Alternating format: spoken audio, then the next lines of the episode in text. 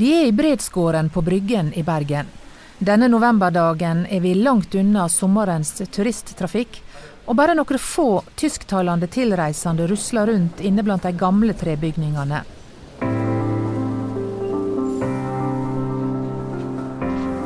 Det er her stiftelsen Bryggen holder til, og direktør Bernt Håvard Øyen har hatt kontoret sitt her i ti år. Et kontor litt utenom det vanlige, med skeive tregulv og tjukke tømmervegger.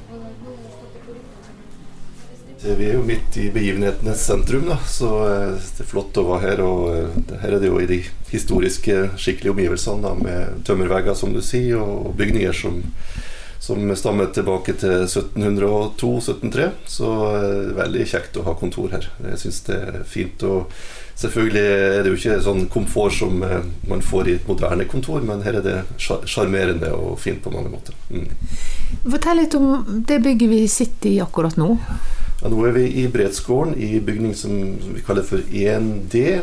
Og, og eh, ja, de her eh, Bredsgården er jo da en dobbeltgård. Eh, har jo tradisjon tilbake til 1200-tallet. Eh, så, så, her har det vært eh, strukturer som ligner på det vi har i dag, som snart er 1000 år. Eh, så Bredsgården er jo en av de gamle gårdene som, som vi har på Bryggen. Og eh, av de her eh, ja, ni-ti gårdene som vi har igjen, da, så, så, er det kanskje den som er, er best bevart da, i forhold til uh, struktur. Uh, og vi prøver nå å beholde de strukturene så godt vi kan, da, med vedlikehold og, og istandsetting. Og du har jo jobba her ganske lenge, så dette bygget kjenner du godt? Ja, jeg har nå vært på Bryggen i ti år eh, disse dager, så jeg begynner jo etter hvert å bli kjent. Det er jo eh, ganske stor bygningsmasse med 60 bygninger her, pluss de to på hanseatisk. Eh, og eh, fortsatt er det vel noen rom her på Bryggen som ikke har vært i, da. Men, men eh, etter hvert så er man jo litt kjent da på, ja, på husene og, og, hva den består av. Eh, så, så ja, det det er, fine bygninger, og, og strukturene er jo ganske unike, så det er jo det som gjør at vi er både stolt og, og, glad for å få lov å være her. Og litt kaldt er det vel om vinteren? Ja, skal ikke klage. Altså, I Bergen så er det jo sjelden noe stort problem med, med kulde, men, men, det hender jo at det er både trekkfullt og litt eh, ja, og regn og, og kjølig her. Så, men oppe i etasjen her, i tredje etasje som vi er nå, så er komforten ikke så aller verst. Så vi, vi klarer å holde varmen, det gjør vi. Og når du går ut eh, døra herifra, så går du ned i Bredskåren, og der er det ofte tjåkafullt med, med turister og andre som besøker Bryggen. Hvordan er det å jobbe i en turistattraksjon? Ja, det er jo eh, det er både interessant og, og, litt krevende. En sånn slags blanding. Eh, vi har jo da sånne telleapparater, så vi teller jo hvor mange turister som, som er her. Og nå i ja, Før pandemien så var vi jo litt i overkant av to millioner som kom inn på Bryggen her. Ja, i, I, året? Ja, i året. Ja. Mm. Og uh, nå i pandemien så var vi jo nede i ja, under 400 000, og, og litt mer i, i, fjor. Og så er vi nå i år kommet opp i 1,8 millioner. Så det, det, er jo ganske mye folk da som, uh, som kommer, og spesielt da i de tre sommermånedene fra juni, juli og august. Så, så, så det, når, når, vi er midtsommers og vi, vi, er på Bryggen, så, eh, så, kan det til tider være, være rimelig fullt. Og så har vi jo en, en lang vintersesong og, og, vår og for så vidt også høst, hvor det da er langt roligere. Fint og stille og kan få gjort ganske mye. Hva gjør all, alt dette besøket med, med slitasje på, på dette eh, verdensarvstedet? Nei, altså det er klart eh, så mye folk som vi har innom, ja, i overkant av to millioner, da, da, da, blir det jo mye tråkk. Og det blir eh, selvfølgelig eh, boss og, søppel fra de her som, som kommer innom. det, det, er klart Noen beveger seg òg opp i trappene og sånt. og, og så, så det, det, er klart det, det blir slitasje på, på, bygningsmassen. Det er jo tre det meste her. Så, så da må vi jo bytte ut slitedeler, og vi må sikre at en del av de tingene vi er litt redd for, at de ikke blir uh, slitt ned for mye. Da. Så, mm. så, da prøver vi å stenge en del uh, trappeløp, og vi må på en måte passe på at ikke for mange begynner å bevege seg på plasser vi ikke ønsker at de skal bevege seg. Fordi Bryggen er en verdensarvstad, så blir det stilt strenge krav til vedlikehold av staden. Når over to millioner mennesker besøker Bryggen hvert år, så sier det seg sjøl at det blir slitasje.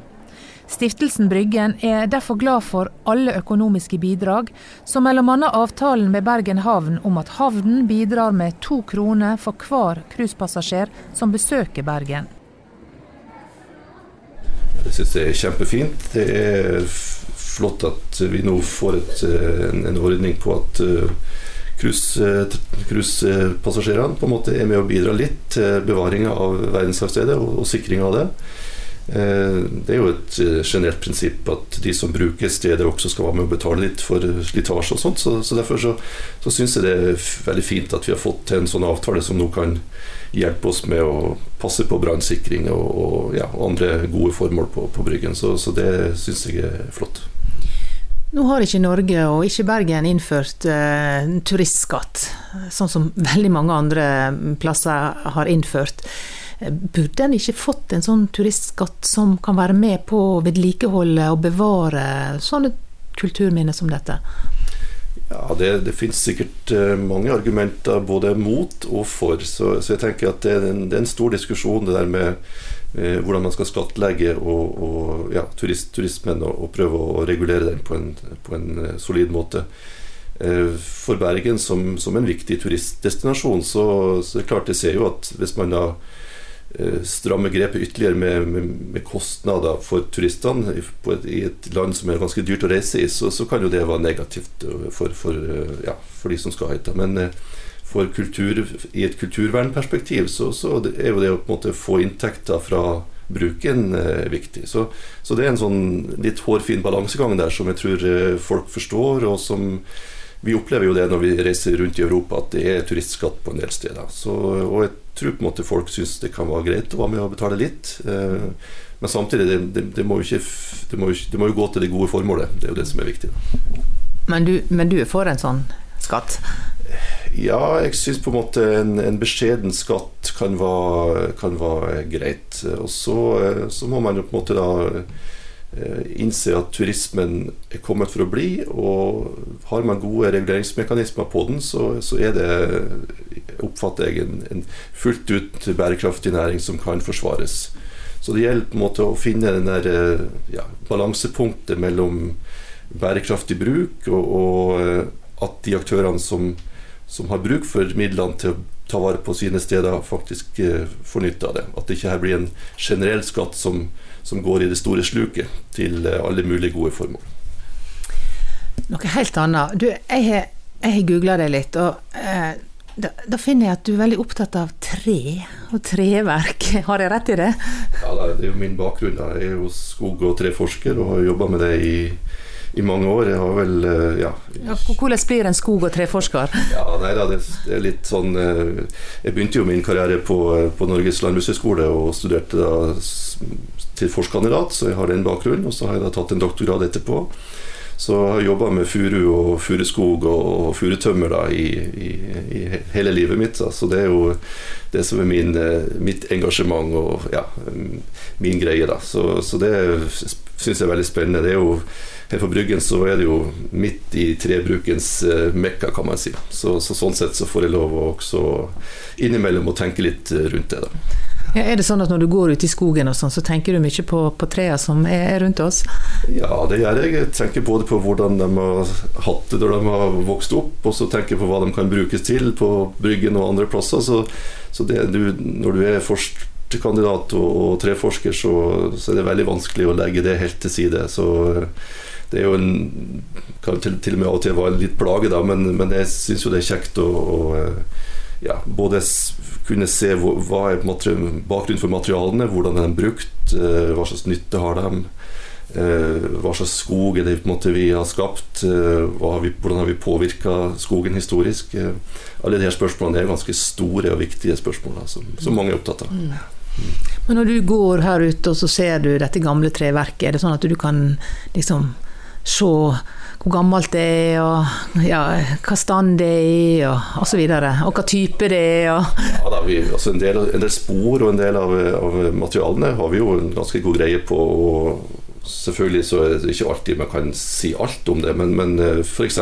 så kan man gjennom å studere årringer og, og bestemte såkalte pointerår, eller sånne spesielle år hvor veksten var dårlig eller veldig god, så kan man finne igjen at det her treverket er så og så gammelt. Og sånt. Og vi, vi, sender jo også inn en del treverk til, til sånn dendroanalyse, slik at vi daterer det.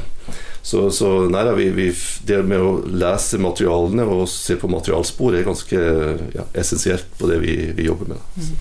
Mm.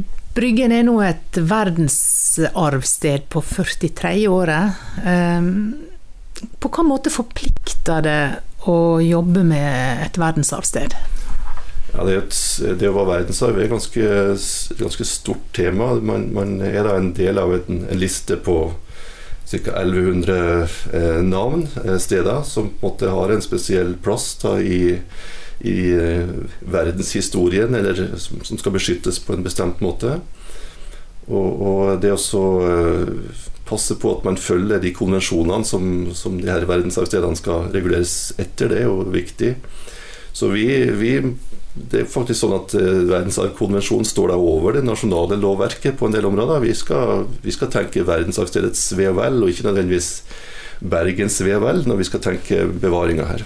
Eh, så det forplikter oss jo veldig til å, til å være nøye med det vi gjør. da. Eh, men, men, det å være verdensarv er jo på en måte å, ja, det å ta vare på det som er de, de, store verdiene her, de globale verdiene. Eh, forstå hvorfor Bryggen havna på denne lista i 1979. hva er de viktige verdiene med Bryggen som vi som forvaltere skal ta vare på, er jo det store spørsmålet som vi vi jobber med hver dag. Og det er jo, Da er det både små og store saker som er viktige. Hvor unik er Bryggen? Ja, det, Den fins ingen andre steder i verden. Så, så, det er det som gjør at vi havna på lista i 79. sånn at eh, vi finner strukturer andre plasser i verden som kan minne noe om Bryggen. Men er vi i London, så er kontoret borte. Er vi i Brygge, så er kontoret så å si borte. Er vi i Novogrod, så er det heller ikke noen rester igjen. Så Bryggen er, Bergen og Bryggen er det eneste stedet i i, i verden hvor vi kan finne et, ja, et kontor som, som, på en måte kan minne oss noe som har vært her i, i Bergen i, i, mange, mange hundre år. Takk til Bernt Håvard Øyen i Stiftelsen Bryggen som var med i denne utgaven av Havnekontoret. Og takk til deg som lytter på podkasten.